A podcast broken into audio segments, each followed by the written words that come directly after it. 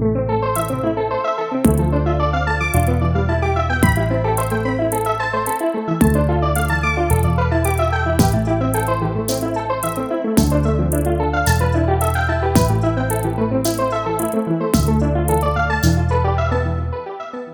Dzień dobry, nazywam się Wojciech Lamik, jestem radcą prawnym i przewodniczącym Komisji do Spraw Nowych Technologii i Transformacji Cyfrowej przy Okręgowej Izbie Radców Prawnych we Wrocławiu. Witam Was bardzo serdecznie w kolejnym odcinku drugiego sezonu podcastu Prawo a Nowe Technologie. Jest ze mną również mecenas Hanna Kalinowska-Krawiec, radczyni prawna, specjalistka z zakresu własności intelektualnej, szczególnie w zakresie game dev oraz ochrony danych osobowych, a przede wszystkim członek Komisji do Spraw Nowych Technologii. Dzień dobry Haniu. Dzień dobry, cześć, bardzo mi miło. W dzisiejszym odcinku kontynuujemy temat game dev. Ostatnio rozmawialiśmy o tym jako zjawisku społecznym oraz jego aspektach biznesowych. Dzisiaj porozmawiamy o game devie natomiast z perspektywy prawnej. A o tym wszystkim opowie nam nasz dzisiejszy gość. Wojciech Koska, adwokat, partner w kancelarii Leśniewskiej Borkiewicz Koskan Partners, specjalizuje się w prawie nowych technologii, e-commerce, w prawie gospodarczym, szczególnie w zakresie w obrocie gospodarczym, prawie spółek oraz ochronie danych osobowych. Od lat związany jest z branżą game development, w ramach której zdobył rozległe doświadczenie praktyczne. Aktualnie pełni funkcję przewodniczącego Rady Nadzorczej Techland. Doradza w strategicznych projektach, w tym negocjowaniu kluczowych umów w obrocie krajowym i międzynarodowym oraz umów inwestycyjnych, a także w projektach e-commerce. Aktywnie wspiera klientów w projektach dotyczących danych osobowych działalności polskich i międzynarodowych grup kapitałowych, w tym w ramach międzynarodowego przepływu danych. Dzień dobry Wojtku, miło, że jesteś z nami tutaj. Bardzo mi miło, cześć. E, przechodzimy powoli do naszych pytań, troszeczkę ich się zebrało w międzyczasie. Zacznijmy może od czegoś takiego ogólnego. E, powiedz nam, Wojtku, dla wielu prawników obsługa game devu to nadal czarna magia i no, na swój sposób obszar nieznany, tabula rasa, e, terra incognita. Jakbyś mógł przybliżyć trochę, z czym mierzy się prawnik współpracujący blisko z tą branżą? Jasne, jak najbardziej. Czy taka pierwsza rzecz, która przychodzi mi do głowy z tej perspektywy, to interdyscyplinarność. To znaczy, to jest specjalizacja branżowa, nie taka standardowa, typowa, właśnie jak nie wiem, kwestia danych osobowych czy prawo gospodarcze, spółki, etc. Tylko właśnie każdy prawnik, który w tej branży chciałby móc się odnaleźć z uwagi na jej specyfikę, no musi mieć na uwadze to, że kilka takich kluczowych gałęzi prawa musi w minimalnym zakresie rozumieć, sobie w nich radzić. Są to w szczególności no, kwestie prawa autorskiego, czyli licencje, przenoszenie praw, praw autorskich. W drugiej kolejności prawo gospodarcze i umowy w obrocie gospodarczym, tego jest naprawdę sporo. Dane osobowe, ale też inne gałęzie, które pojawiają się co jakiś czas. No, dzisiaj, dzisiaj również tym wyzwaniem ogromnym, którym ciągle się mówi właśnie jest kwestia AI, którą przyporządkować trudno do jednej ze specyficznych, standardowych gałęzi prawa, więc wydaje mi się, że jako pierwsza moja myśl to jest ta interdyscyplinarność, e, ale też w ogóle specyfika tego sektora. To znaczy, flow jest tam zupełnie inny niż w sektorze, nie wiem, w branży budowlanej czy, czy, czy, czy, czy w branży na przykład energetycznej. Spotykamy się jednak no, często z młodymi ludźmi albo ludźmi, kwestia wieku to tak naprawdę ocena, kiedy się kończy młody, kiedy zaczyna się średnie, kiedy zaczyna się ten taki starszy. Niemniej no, ten flow, ta energia, która w tym sektorze się pojawia, rzeczywiście jest specyficzna, co też wiąże się ze specyficzną komunikacją. No i ta komunikacja powinna być jak to zwykle dostosowana właśnie do drugiej strony. Z tej perspektywy e, nie każdy może ją poczuć, bo nie każdemu to będzie odpowiadało chociażby właśnie z perspektywy języka, który jest używany, bo te pojęcia też często są skrótowe, osadzone w szeroko pojętej popkulturze, chociażby kulturze memów, kulturze w ogóle gier komputerowych, e, która ma swoisty, swoistą nomenklaturę, która pojawia się dość często w komunikacji. I w ogóle wydaje mi się, że taka znajomość gier komputerowych i kwestia grania w gry też sporo ułatwia, bo tu generalnie tak jak robimy coś, przygotowujemy cokolwiek dla klienta, no to warto mieć z tyłu głowy przede wszystkim cel, w którym to przygotowujemy, a nie tylko skupić się na poszczególnych regulacjach wyrwanych z kontekstu. I mając to właśnie na uwadze, wydaje mi się, że bycie fanem jakiejś gałęzi, którą zajmujemy się, czy to nie wiem, prawnik w branży budowlanej, który po prostu lubi, lubi te kwestie związane z konstrukcjami, domami czy nieruchomościami, taki prawnik w tej branży game devowej, który po prostu lubi gry, ma trochę łatwiej. Ja nie ukrywam, że nie gram w gry tyle, ile grałem kiedyś. To są raczej takie momenty, E, w których nie wiem, pamiętam jak, jak, jak byłem w covid chory, odseparowany od, od całej rodziny. E, i wtedy wreszcie siadłem sobie tak porządnie, bo i tak siedziałem sam w domu, no gdzieś tam starałem się pracować, ale dawno nie przegrałem tylu godzin po prostu w serii, w serii 10 dni. e, było cudownie, naprawdę. Był to wspaniały okres. Taki krótki maraton. Tak, A zdarza ci, się, zdarza ci się jeszcze odpalić jakąś gierkę teraz, jak już jesteś no, jak to, zdrowy? zdrowy, że tak powiem.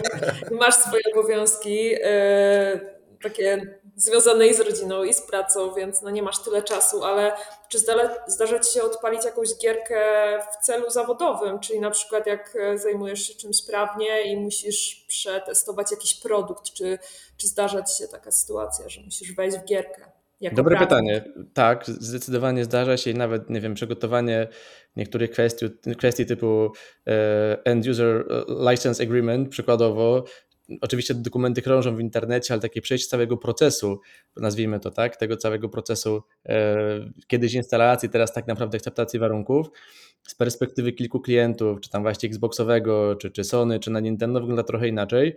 E, czy nawet zakup gry w sklepie internetowym nie jest dla mnie typowym zadaniem, którym, którym jest dla typowego endusera z tej perspektywy, że tam no, oczywiście interesuje mnie to, co mogę zobaczyć i co potem mogę z tego wynieść, bo nie wiem, czy pamiętacie, jak jeszcze było się w szczególności tam, nie wiem, nastolatkiem, czy, czy w ogóle e, przed studiami prawniczymi, no to ja przeklikiwałem po prostu, byle tylko szybko odpalić grę.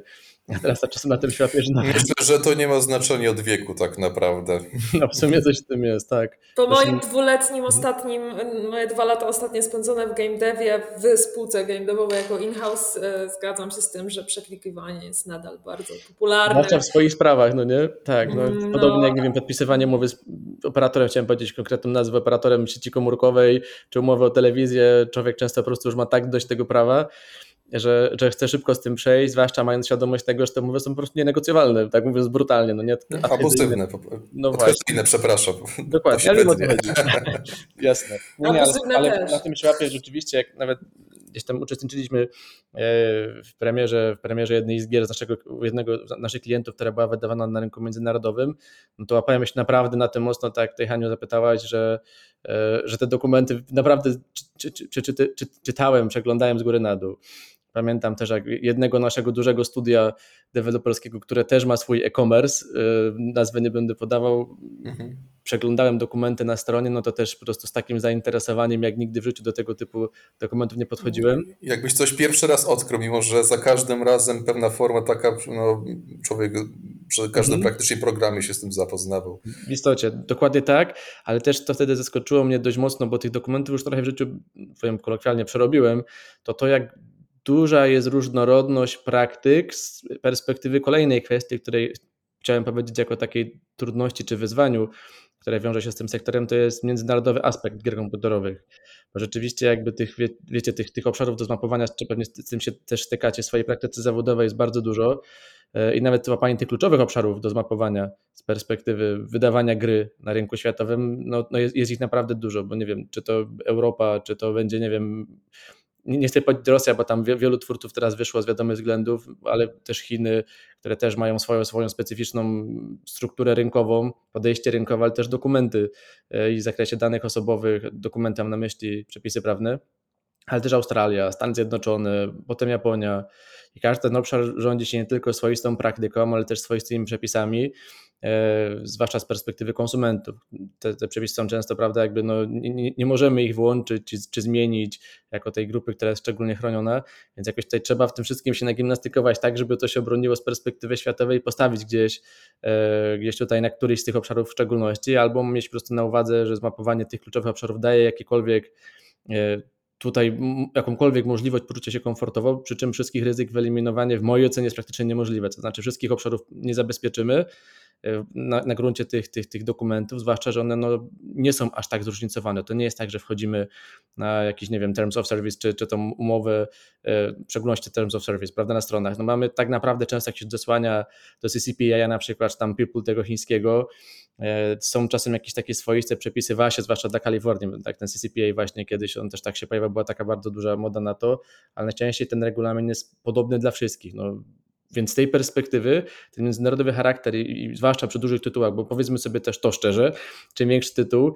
yy, tym większa ekspozycja na potencjalne ryzyko, bo tym więcej potencjalnie osób się nim zainteresuje z perspektywy właśnie tej oceny yy, wdrożenia wszystkich prawnych regulacji, które powinny być wdrożone, chociażby z perspektywy tych, tych kluczowych yy, regulacji, o których mówimy. Więc mając to na uwadze, ten międzynarodowy charakter jest w szczególności interesujący. ale też w szczególności ryzykowny dla, dla twórców i prawników, którzy opracowują te kwestie. Zresztą stąd też często te kancelarie międzynarodowe, bardzo duże sieci, są zaangażowane w takie, nazwijmy to właśnie, mapowanie ogólnoświatowe tych dokumentów z perspektywy kluczowych ryzyk. I to wcale nie jest tak, jak nam się często wydaje tutaj Europe, europocentrycznie, że, że to nasze RODO najważniejsze i te nasze przepisy najważniejsze, no bo w Stanach no to chociażby każdy stan może już mieć swoje specyficzne regulacje, a i u nas e, jest tych regulacji bardzo, bardzo dużo zróżnicowanych. Powiedziałeś nam, że z czym się oczywiście zgadzamy, że prawnik w game devie musi się liczyć z interdyscyplinarnością. E, jestem ciekawa, czy mógłbyś naszym słuchaczom powiedzieć, jakie przykładowe zlecenie może otrzymać prawnik świadczący usługę na rzecz e, game devu. Jasne. No liczba tych zleceń, znaczy w ogóle uważam, że praca z tą branżą jest mega ciekawa właśnie z tej perspektywy, że te zlecenia są bardzo, bardzo różnorodne i ciężko taki sam dzień w pracy pracując z tą branżą, bo to może być prosta umowa licencyjna, może być właśnie kwestia przygotowania jakichś terms of service na stronę, może być kwestia umowy z kontrahentem e, dotycząca na przykład zakupu jakichś asetów czy, czy, czy kwestii licencjonowania. Często bardzo jest to e, kwestia rodowska, w ogóle danych osobowych, które w szczególności z perspektywy aktualnych czasów i różnorodności tych przepisów, wielu kwestii, które są wciąż dyskutowane dotyczących przepływu danych osobowych, no, budzi spore emocji, zwłaszcza w kontekście chociażby reklam czy śledzenia zachowań graczy na stronach, śledzenia ich preferencji. Więc tutaj to jest w ogóle temat rzeka, o tym można by mówić i mówić, e, ale też kwestie AI e, są coraz ciekawsze, coraz częściej dyskutowane. Więc jeśli chodzi o zlecenie, to może być i audyt RODO, pełny e, w zakresie wszystkich baz danych, wszystkich procesów, które są, są przetwarzane w ramach danej spółki albo grupy spółek, ale też to może być bardzo tak zwana krótka piłka, czyli po prostu szybka weryfikacja pod kątem wyłącznie red flagów umowy licencyjnej z kontrahentem o, niewielkie, o niewielkiej wartości.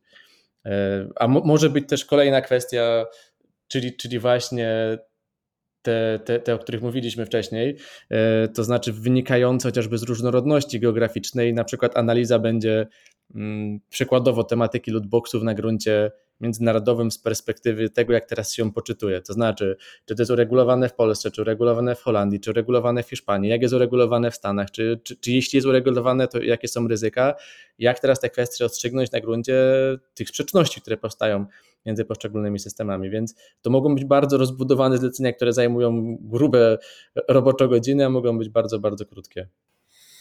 Jasne. Wspominałeś właśnie o tym, że obecnie jest też e, bardzo duży popyt, boom na AI w ramach na przykład ChatGPT, ale nie tylko i wyłącznie, bo to tylko jakiś tam skrawek tak naprawdę tego problemu. I jak w tym, na tym etapie Twoim zdaniem sztuczna inteligencja wpływa na branżę gamingową, branżę game devu? Jasne. Mhm.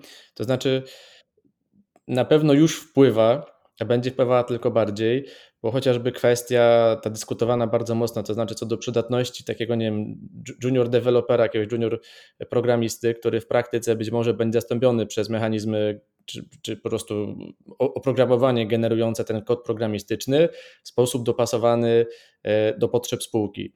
To znaczy, to będzie tak naprawdę opisywanie efektu, praca często na standaryzowanych engine'ach, e, tak jak ten Unreal Engine, który jest teraz bardziej popularny, najpopularniejszy engine, najczęściej wykorzystywany zresztą w grach komputerowych. Ostatnio chociażby CD Projekt Red tak przeszedł od swojego tego Red Engine'u na mhm. Unreal Engine. I ta standaryzacja też będzie, tak zakładam, sprzyjała temu, żeby AI tam też mocniej zapracowało w oparciu, no bo tak, no tam w szczególności chodzi o kwestie statystyczne. E, ten model statystyczny jest kluczowy dla AI w tej chwili. Jak wydaje się, że skoro kod programistyczny jest narzędziem matematycznym, no to, to, to narzędzie AI może być wykorzystane z powodzeniem dla potrzeb tworzenia kodu programistycznego, więc w ogóle wyeliminowanie wielu etatów pracy jest tym takim ryzykiem często dyskutowanym e, i zagrożeniem dla, dla rynku czy tak w istocie będzie? Być może tak, zakładam, że jak zawsze prawda leży po środku, bo jednak jest to praca wymagająca twórczego myślenia, przy czym też stykałem się już z opiniami, że nawet wygenerowanie w ogóle całej gry, filmiku, scenariusza do gry, książki, czyli tych takich wydawałoby się twórczych aspektów, też będzie mogła być zastępowana przez AI. I. Teraz pytanie, czy to AI będzie w stanie wygenerować, wiecie, taki czysto rzemieślniczy produkt, e, nazwijmy jakiś Harlekina, e, czy taką książkę po prostu, którą gdzieś tam podaje się, jakie są jej założenia, czy takie naprawdę dobre gry, no jednak będą potrzebowały tego ludzkiego aspektu, czy będzie dało się je po prostu przygotować trochę na zlecenie właśnie AI. No właśnie słyszałem nawet ostat, jakiś czas temu, że ChatGPT mhm. wygenerował cały kod do Ponga, czyli tej chyba pierwszej bodajże gry i zajęło mu to około 60 sekund. Także no, przyznaję, że jak na początki są obiecujące pod tym kątem. Tak, tak, no tak samo ta liczba tych książek, scenariuszy, e, które już są generowane, które są zaskakująco nieraz interesujące, też, te, też, też jest czymś, co budzi wiele emocji. Wydaje się, że z upływem czasu być może, chociaż ja chcę wierzyć, że te naprawdę, wiecie, tak z książkami czy filmami wybitnymi jednak wymagają tego tego boskiego tchnienia, przepraszam, to nie Tej duszy, to chciałam tak. powiedzieć. Ja cały czas liczę na to jednak, że nie dojdziemy do takiego momentu Dokładnie. ani w game devie, ani w innej branży artystycznej, gdzie sztuczna inteligencja zastąpi pierwiastek ludzki pod kątem właśnie duszy i, i, i, tego, co, co tak naprawdę nadaje nam wartość największą dla utworu każdego. Więc ja cały czas tak. wierzę, że jeszcze obserwując pracę tych, tych grafików, artystów, którzy tworzą itemy do gier i, i tworzą to z taką pasją i mają głowę pełną pomysłów, no liczę na to, że jednak przebiją ci wybitni no. artyści przebiją sztuczną tak. inteligencję. Choć problematyczne jest to, że jest w stanie mm, AI praktycznie w ciągu kilku sekund wygenerować ileś tam wersji na przykład obrazków, tak, grafik mhm. konkretnego przykładu i też boję się właśnie, że po prostu człowiek nie będzie w stanie nadążyć po prostu e, za tą fabryką, nazywajmy rzeczy po imieniu. Tak, a czy ja, ja właśnie wiecie, że to tak jak powiedziała Hania, że z perspektywy takich standardowych, powiedzmy średnich dzieł, czy takich bardziej, nie chcę powiedzieć przemysłowo produkowanych, ale tak, tak masowo, to rzeczywiście się może, może wydarzyć, ale ten, ten odcisk właśnie, to, to takie tchnienie tego autora, który no, często jest geniuszem, no bo mamy tak samo na rynku gier genialne produkty, chociażby ostatnio jeszcze nie grałem Baldur's Gate e, trójka, która ponoć jest genialną grą, czy nie wiem, Wiedźmin trójka. Tak, e... Baldur's miał bardzo długą w ogóle fazę beta testową, także też wydaje mi się miał to niebagatelny wpływ na odbiór tak. końcowy tego produktu. Tak, czytałem, że dawno nie było tak dopracowanej gry, e, która była aż tak przemyślana, ale i Diablo ostatnio najnowsze też, też przyjęte stało bardzo ciepło i też dopracowane jest wyjątkowo. I teraz pytanie, czy gry, e, czy, czy Dying Light, czy gry o, o tak, tak, tak, tak dobrze zarysowanym jakby tej balansie w ogóle, no nie? Czy gry, które są aż tak wciągające gracza, mogą być wygenerowane przez AI. Na razie możemy tylko starać się przewidzieć to w oparciu o nasz feeling, a, a, a życie pokaże. Ale ja tak powiedziała Hania, nie chcę, chcę, chcę wierzyć, że nie. Chcę wierzyć, że ta prawdziwa sztuka, taka sztuka, sztuka, e, czyli takie wielkie dzieła jednak wymagają tego cisku, te, tego, tego twórcy, właśnie tej duszy, e, duchowości, bo to mm, jest jednak szczególny aspekt tych największych dzieł, prawda? Że właśnie widzimy tej odcisk no, tej duszy, nazwijmy to rzeczywiście ducha tego twórcy i wierzę, że tak właśnie będzie.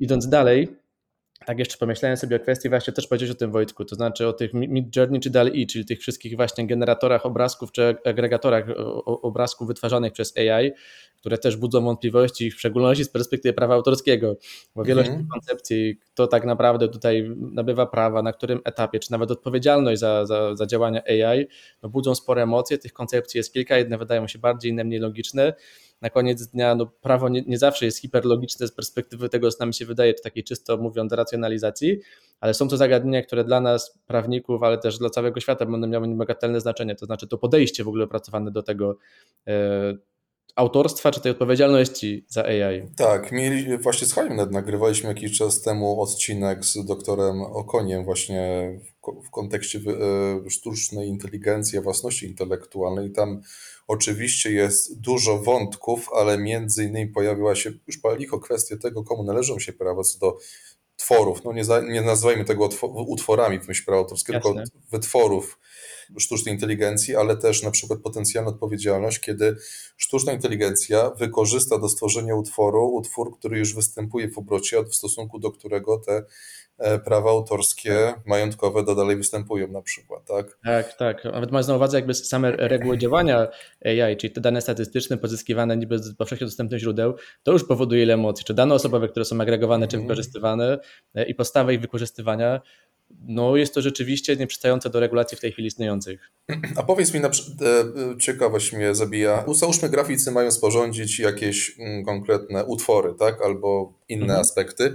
I czy robi się już w międzyczasie research, na przykład, czy coś podobnego już występuje w internecie? E, podejmują się takich wyzwań, żeby uchronić się przed potencjalnymi e, roszczeniami innych stron? Tak, tak. Nazywać to legalizacją asetów właśnie. I po raz kolejny czym bardziej skomplikowany tytuł, tym tych aspektów do zbadania jest więcej, bo z uwagi na to, jak dużo wytworów popkultury w tej chwili już istnieje, jak, jak szeroka jest popkultura, to czasem naprawdę ciężko do czegoś, co już istnieje, się nie zbliżyć. I rzeczywiście często całe zespoły nad tym siedzą z perspektywy takiego bycia bulletproof, takim właśnie kuloodpornym pod kątem, nie wiem, czy, czy jakichś oznaczeń, log, nazw, grafik, miejsc, chociażby w Dying Light 2 ostatnio ktoś zauważył, że jedna z budowli była zbliżona do, do wieży ciśnień naszej wrocławskiej. E, I pytanie, czy to jest inspiracja celowa, czy to tak naprawdę jest wyłącznie inspiracja, czy tak naprawdę już jest gdzieś wykorzystanie utworu. E, no to jest dość utwór stary, ten projekt architektoniczny, budynek tak naprawdę historyczny, więc wykorzystanie tego typu utworów rządzi się jeszcze innymi prawami. Niemniej zdecydowanie Wojtku tak, jest, tak, jest taki etap, on najczęściej następuje na etapie takim przed finalizacją, e, jak już ten produkt mamy i wiemy, jakie te asety w grze będą wykorzystywane, ale jest to rzeczywiście istotny aspekt, żeby potencjalnych ryzyk uniknąć i na, na kilka głów e, tego typu przeglądy się robi, cały, cały takich ksiąg e, zbiorów asetów, tak.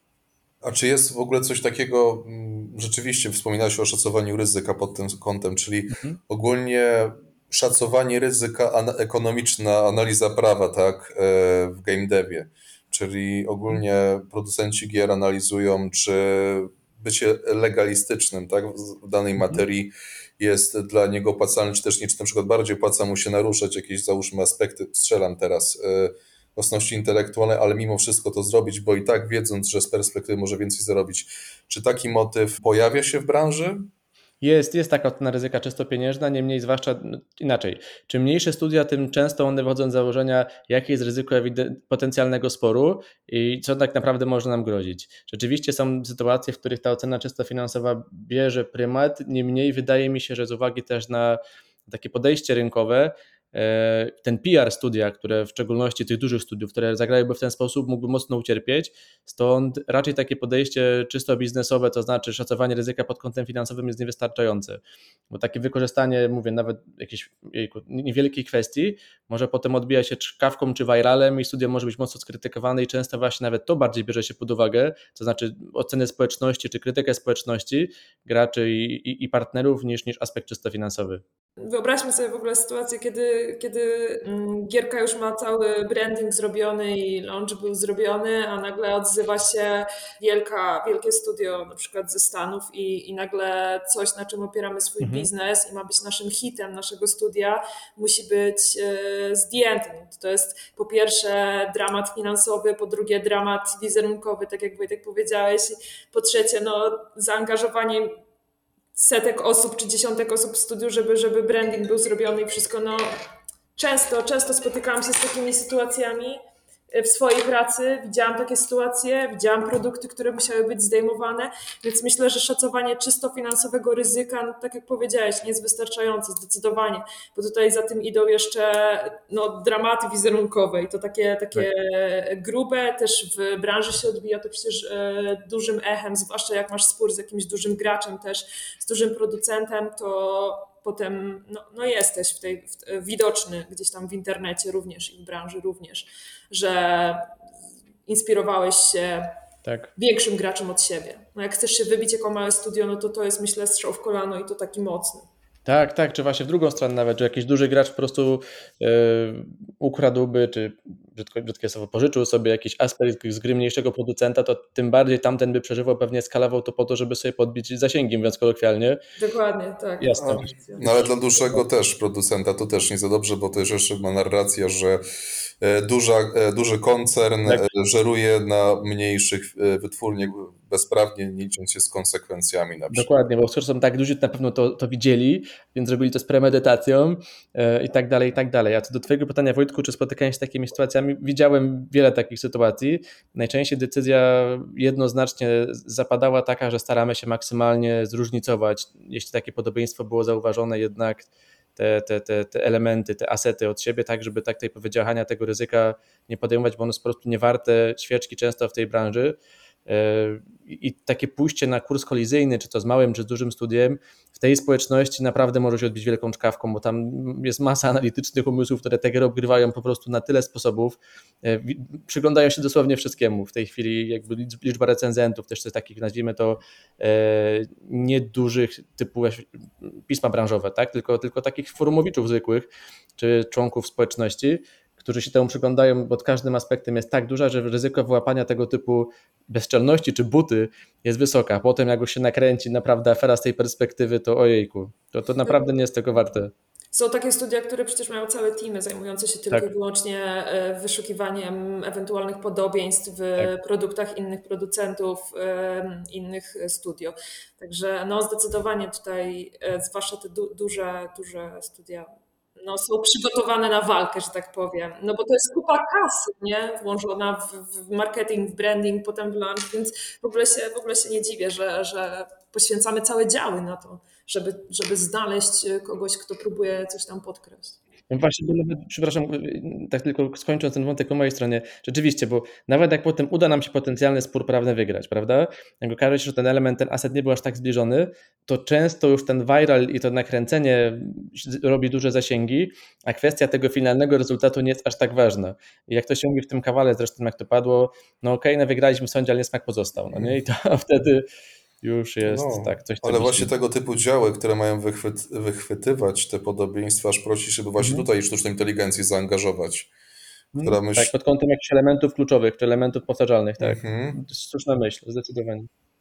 Tak samo services, y, support, no to, mm, to też jest, ja wiem jakby ze swojego doświadczenia, że te, y, jak zaczął się boom na sztuczną inteligencję, to w, game devie te działy zwłaszcza y, najbardziej się zestresowały, że tak powiem kolokwialnie, bo widziały potencjał w tym narzędziu, na przykład jednym z wielu, y, OpenAI i widziały, że, że to narzędzie faktycznie może zastąpić ich pracę, odpowiedzi do, do userów Także no, myślę, że zdecydowanie e, w game tak. devie jest parę działów, które mogą być zdecydowanie zastąpione. Mhm. Praca ludzka może być wykonywana przez, e, przez jakiegoś bota. Mhm. A chciałam zapytać o coś innego jeszcze. Mm, interdyscyplinarność, e, otwarty umysł, kreatywność, no to są jakby cechy, które musi mieć pra prawnik, który chce pracować dla game devu. A Wojtku, Twoim zdaniem lepiej być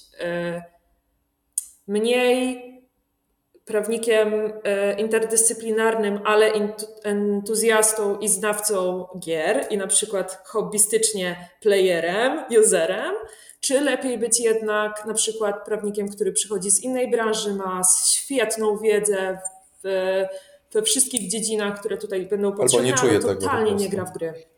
Hmm, dobre pytanie. Hmm, idealnie, gdyby to połączyć, oczywiście, ale świat nie jest idealny. E, wydaje mi się tak, jeśli kompletnie nie kumamy branży, z którą pracujemy, to istnieje ryzyko takiego właśnie mocnego zderzenia, odbicia się w komunikacji chociażby i mimo nawet bycia świetnym prawnikiem może być to utrudnione. Niemniej, zwłaszcza jeśli w zespole są osoby zorientowane na zrozumienie tej branży, no to można sobie poradzić tym pracą zespołową, tak mi się wydaje. To znaczy, no jest dwóch czy, czy, czy trzech ludzi, którzy znają się na tym dość mocno.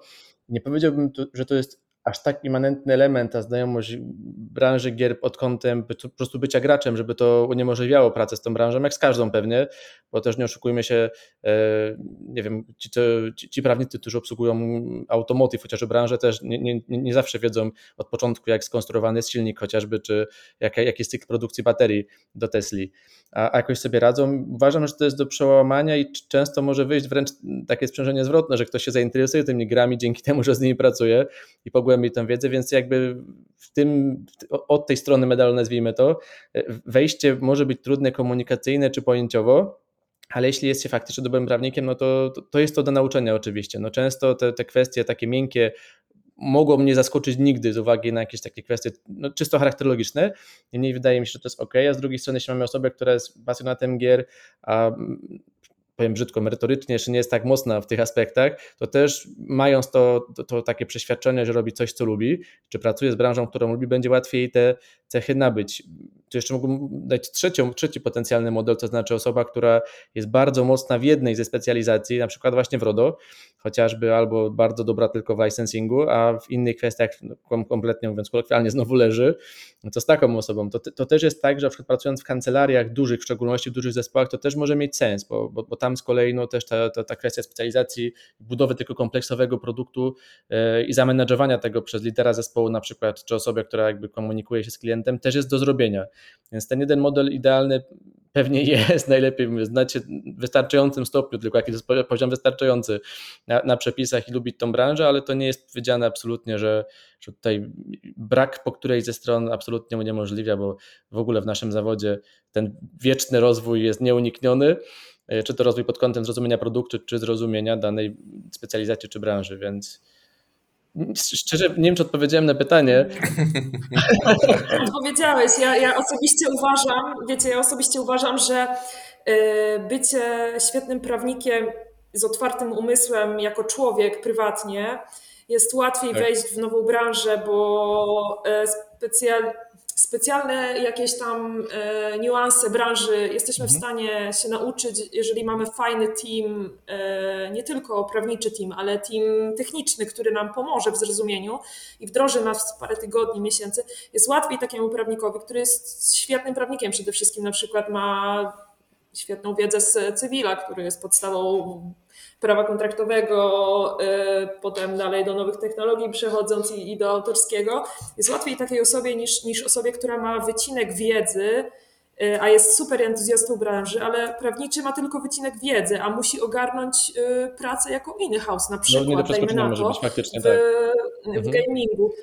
Tak, no nie przeskoczy innych rzeczy, bo warto pamiętać, i to zaraz przejdę do mojego kolejnego pytania, bo to jest w sumie połączone, warto pamiętać, że praca prawnika w game devie albo w jakiejkolwiek branży, to jest dalej praca prawnika.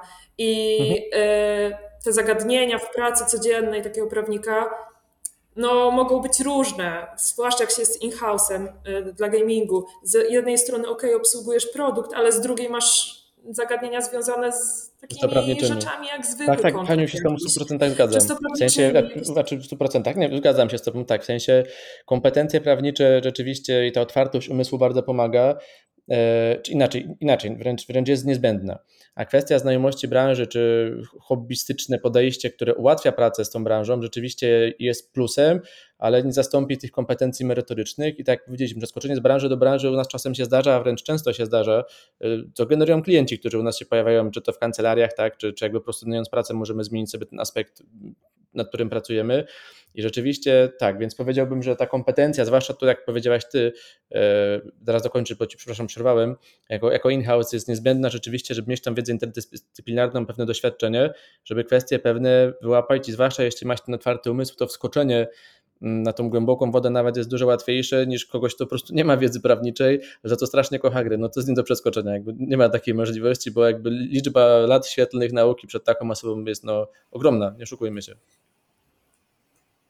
Co nie, też tak uważam. E, I chciałam tutaj jakby pociągnąć dalej, co byś poradził prawnikom, którzy chcieliby wejść do game devu, którzy są jeszcze w innej branży, ale kręci game dev, jak mają zacząć i, i, na co zwrócić uwagę, żeby móc świadczyć usługi mhm. Znaczy, optymalnie jest zdobywać dużo, dużo, dużo doświadczenia i tą ścieżkę doświadczenia można zdobywać w kilku miejscach. Właśnie idąc na przykład na junior prawnika, czy nawet stażysty do studia gamingowego jest ich w tej chwili dużo.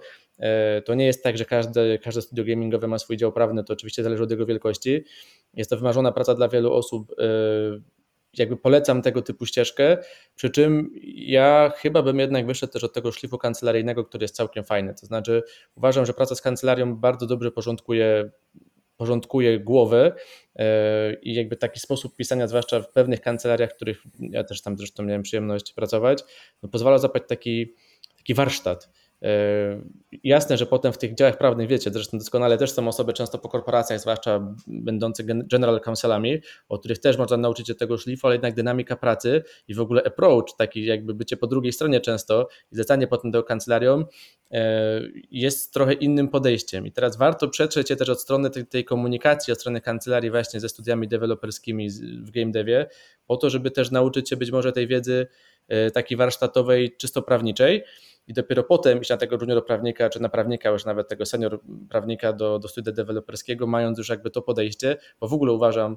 e, bo ty Haniu też tak, takie masz doświadczenie, tak? Z tego co zrozumiałem, że byłaś i tu, i tu i ta perspektywa e, tak, mhm. tak. Najpierw pracowałam parę lat, wiele lat w kancelariach, a potem jak stwierdziłam, że chcę iść e, w stronę korpo i iść na in-house, a korpo lub po prostu, nie kancelarii, e, to zaczęłam od game devu i, i tak, i już zostałam w, jako in-house. Jasne, no właśnie w tym sensie, że jakby warto mieć dwa te podejścia. Wydaje mi się, że do kancelaryjnej lepsze jest na początku, ale zgodzisz się chyba z tego, co zrozumiałem właśnie z tym, że jakby to daje pełną perspektywę, czy bycie w kancelarii, potem bycie in-house'em i, i nawet powrót do kancelarii też daje fajną perspektywę i jakby rozumienie się przez obie strony tego dyskursu, a często praca tych, tych działów prawnych potem zewnętrznymi kancelari kancelariami, no w tej chwili na rynku, zwłaszcza u dużych klientów, dużych podmiotów jest stałym zjawiskiem, e, bo zwłaszcza ci duzi mają i swoje działy prawne, i mają małe kancelarie, mają kancelarie na projektach i ta umiejętność zrozumienia drugiej strony mm, bardzo wzbogaca taki punkt widzenia, więc, więc zdecydowanie uważam, że warto być i tu, i tu, i zobaczyć i tutaj, i tutaj. E, I potem rozwijanie się już w ramach zwłaszcza jak już osiągnie się te szlify pewne w kancelariach, ten, ten warsztat, o którym powiedzieliśmy potem jako in-house'a po paru latach, to, to jest naprawdę fajna, fajna opcja, ciekawa na rynku. Tych opcji dla in-house'ów jest coraz więcej, bo też firm, które dają możliwość pracy jako in-house, czy tam potem general counsel, czy najpierw junior prawnik jest, jest bardzo dużo.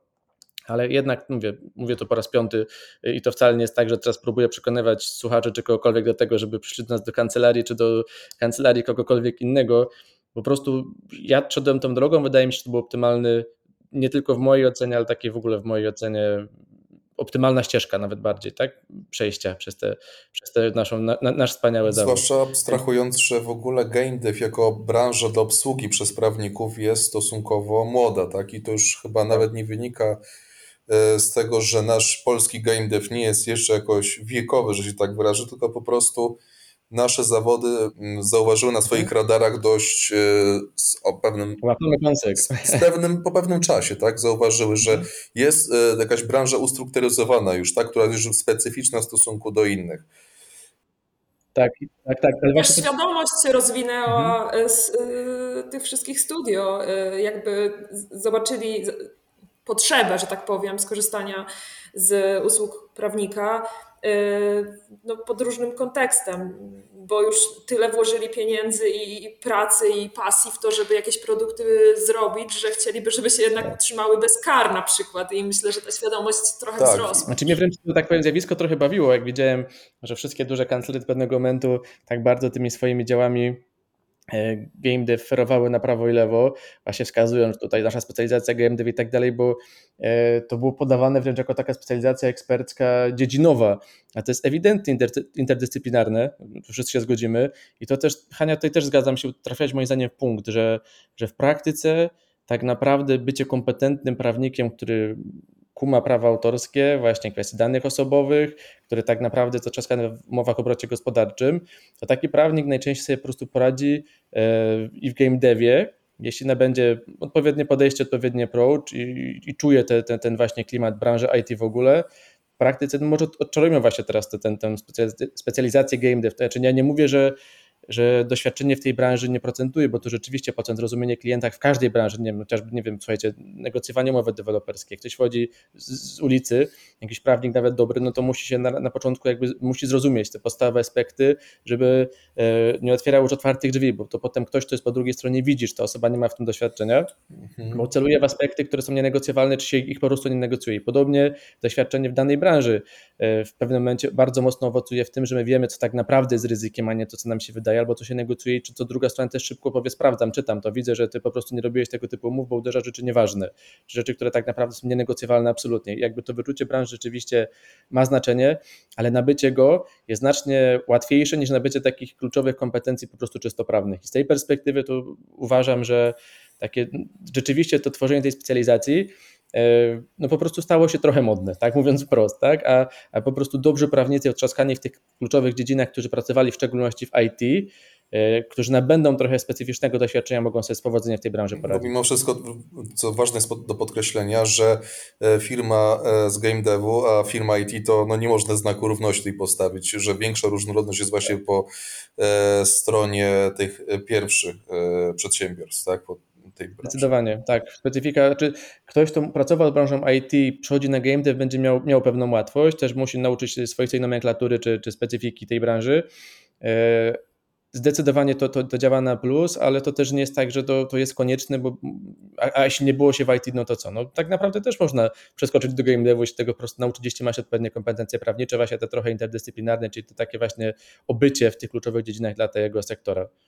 Więc ja mówię, to chciałbym trochę odczarować to, bo czasem to się wydaje taką nie, czarną magią, czy to są takie hasła marketingowe, że tutaj mamy taką specjalizację, a, a, w praktyce no to rzeczywiście doświadczenie ma znaczenie, bo skraca też pracę po stronie klienta, czyli po prostu nawet produkt końcowy jest tańszy, bo kancelaria jest w stanie zrobić to szybko, szybko wygenerować, szybko wynegocjować i nabije takich pustych godzin na negocjowanie czegoś, co tak naprawdę nie ma sensu i to, to się broni zawsze, to jakoś doświadczenie się broni, ale, ale mówię, chciałbym odczarować to, że to, to jest jakaś taka, nie wiem, e, kwestia jakiejś takiej nauki mistycznej, absolutnie nie. I tutaj, Haniu, też jakby przyznajecie rację w tym, co powiedziałeś wcześniej.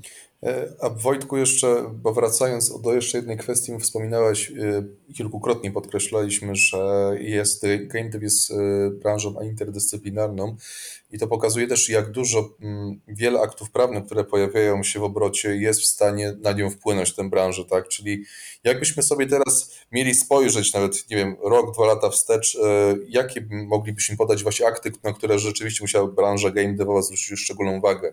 Oczywiście, gdybyśmy jeszcze mhm. wcześniej spojrzeli, tak, no to byłoby to, RODO, byłoby to na pewno RODO. Oczywiście już nie mówiąc o prawie autorskim, który jest tym takim korem, tak, tym typowym. E, pewnie na pewno własność przemysłowa, znaki towarowe i podobne rzeczy, ale na przykład e, z mojej perspektywy na pewno i zresztą z Haniem o tym rozmawialiśmy nad, przed nagrywaniem dyrektywa Omnibus, tak, która na pewno też miała e, duży wpływ na tę branżę, ale co na przykład Twoim zdaniem jeszcze tutaj mogło takiego oddziaływać w tym zakresie na game dev? Znaczy ja widzę bardzo, znaczy ja nawet bym ten problem trochę odwrócił, jeśli mogę to pytanie Jasne. lekko odwrócić. Mhm. Bo, bo tak, bo uważam, że te akty wszystkie wymienione są kluczowe i rzeczywiście pojawia się co jakiś czas akt, który ma istotny impact dla tej branży. Niemniej ta branża jest, powiedzmy sobie to wprost, szczerze, mocno niedoregulowana. To znaczy brak jest takich specyficznych, swoistych aktów dla tej branży, co działa i na plus, i na minus. To dlaczego, dlaczego na plus? Bo to pozwala na pewną elastyczność i regulowanie sobie tego wewnętrznie, czy to branżowo, czy na to, żeby tam gdzieś, zwłaszcza jak się ma dobry zespół prawny ze sobą, e, móc zagrać trochę w sposób taki bardziej, nie chcę powiedzieć teraz kamikaze, ale taki bardziej ryzykowny, tam gdzie prawo nie stanowi czegoś wprost.